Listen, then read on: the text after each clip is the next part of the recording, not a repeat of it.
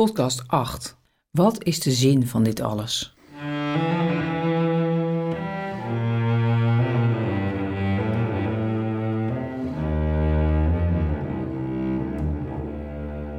De tijd in gevangenissen en concentratiekampen was voor de Jezuïeten Rupert Mayer en Robert Regoux in sommige opzichten een genadetijd waarin hun geloof zich verdiepte.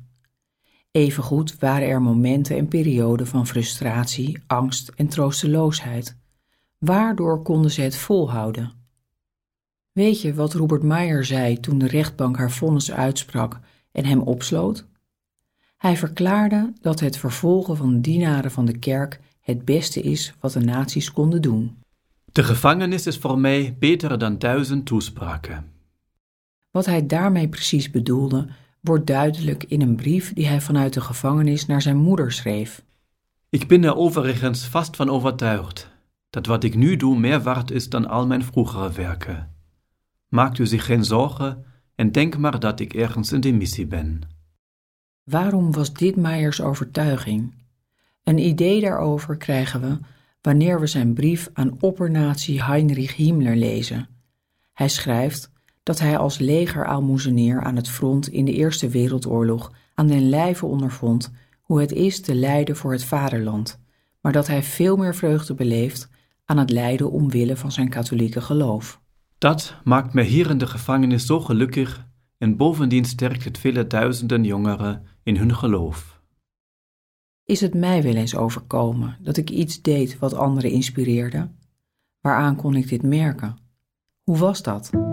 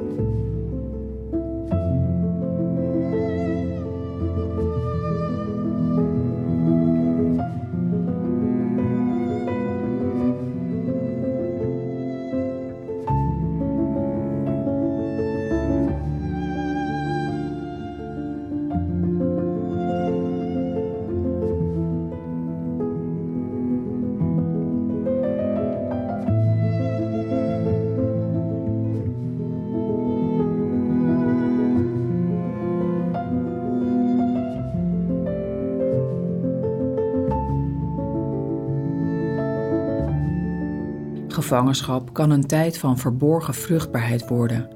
Heb ik zelf wel eens meegemaakt dat een tijd van noodgedwongen nietsdoen een tijd van genade bleek te zijn?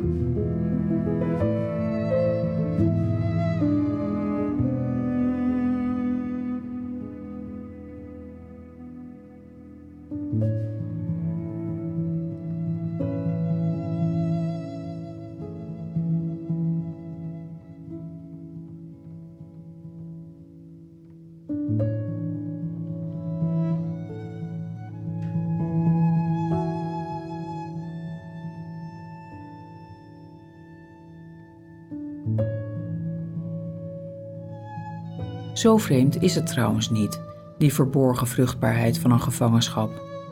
Paulus getuigt er ook van als hij in zijn brief aan de christenen in Filippi schrijft: U moet weten, broeders en zusters, dat wat mij is overkomen er juist toe bijdraagt dat het evangelie wordt verspreid.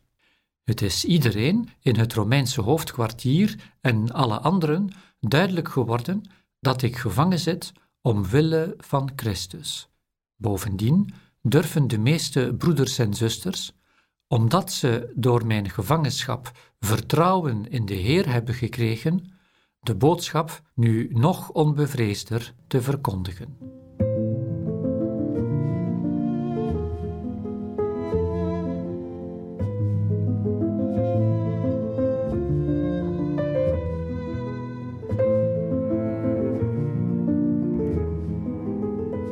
Toen Robert Regoe in concentratiekamp Dachau was, ging na een tijdje zijn gezondheid snel achteruit.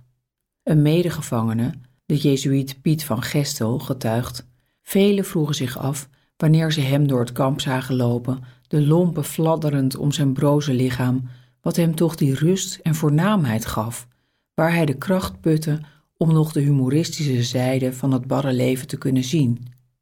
Volgens hem gaf Regoed ten antwoord: Hier kunnen wij hostie zijn, meer dan daarbuiten. Wat bedoelde Regoed met deze woorden? Hier kunnen wij hostie zijn, meer dan daarbuiten. Het woord hostie verwijst naar Christus aanwezigheid in de Eucharistie. Door dat woord te gebruiken drukt Robert Regoe uit dat hij vond dat hij in het concentratiekamp dichter bij Jezus kwam. Dat hij in Dachau meer aan Jezus Christus zelfgave en offer deelnam dan buiten het concentratiekamp. Misschien staat dit ver af van jouw geloofsbeleving. Voor veel mensen is deze houding moeilijk te begrijpen en nog moeilijker te verteren. Toch blijkt uit het lezen van teksten van en over Regoe dat deze woorden eruit springen als een voor hem diepe en dierbare overtuiging. Robert Regoe is ervaringsdeskundige in een van de meest barbaarse plaatsen van de Tweede Wereldoorlog, concentratiekamp Dachau. Blijkbaar hielp deze houding hem om de verschrikkingen te dragen. Als ik iets vervelends moet doen, als ik iets onaangenaams moet ondergaan, kan ik dit dan zien als het brengen van een offer, een offer met en voor Christus?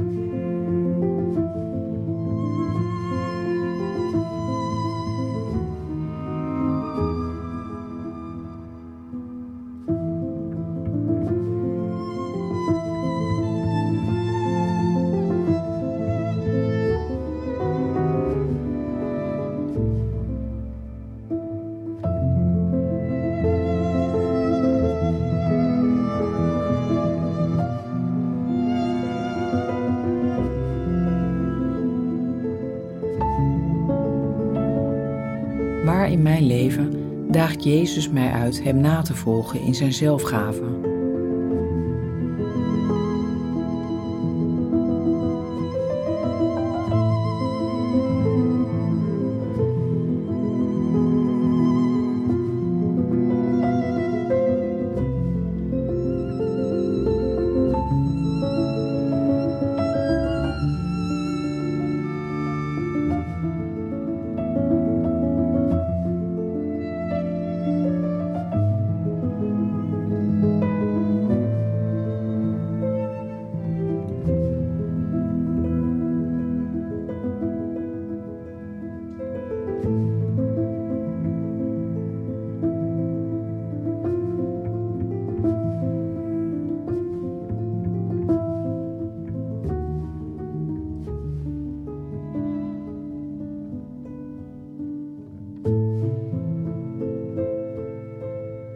Rupert Meyer en Robert Ragout wisten een diepe zin en betekenis te geven aan hun opsluiting en lijden.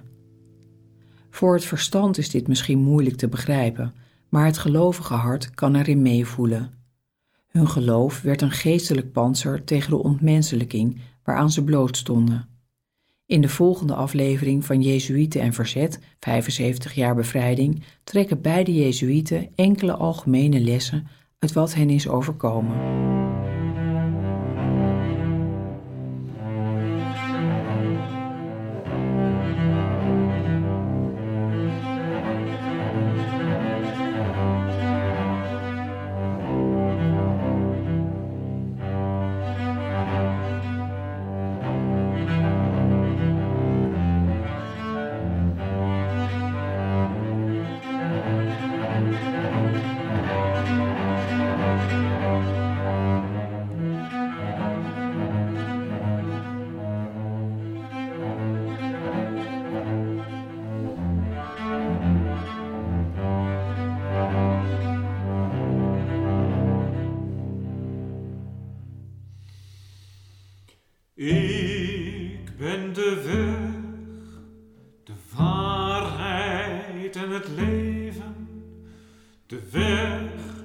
De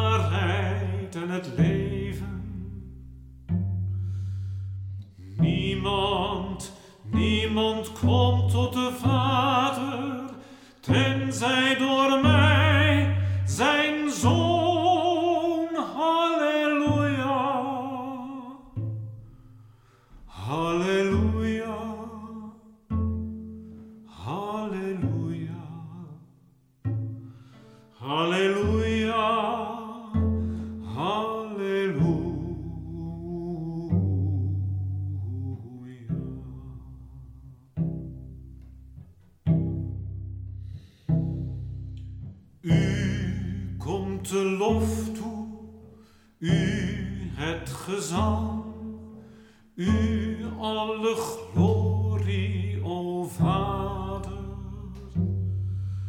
O Vader, o Zoon, o Heilige Geest, voor u zingen wij voor al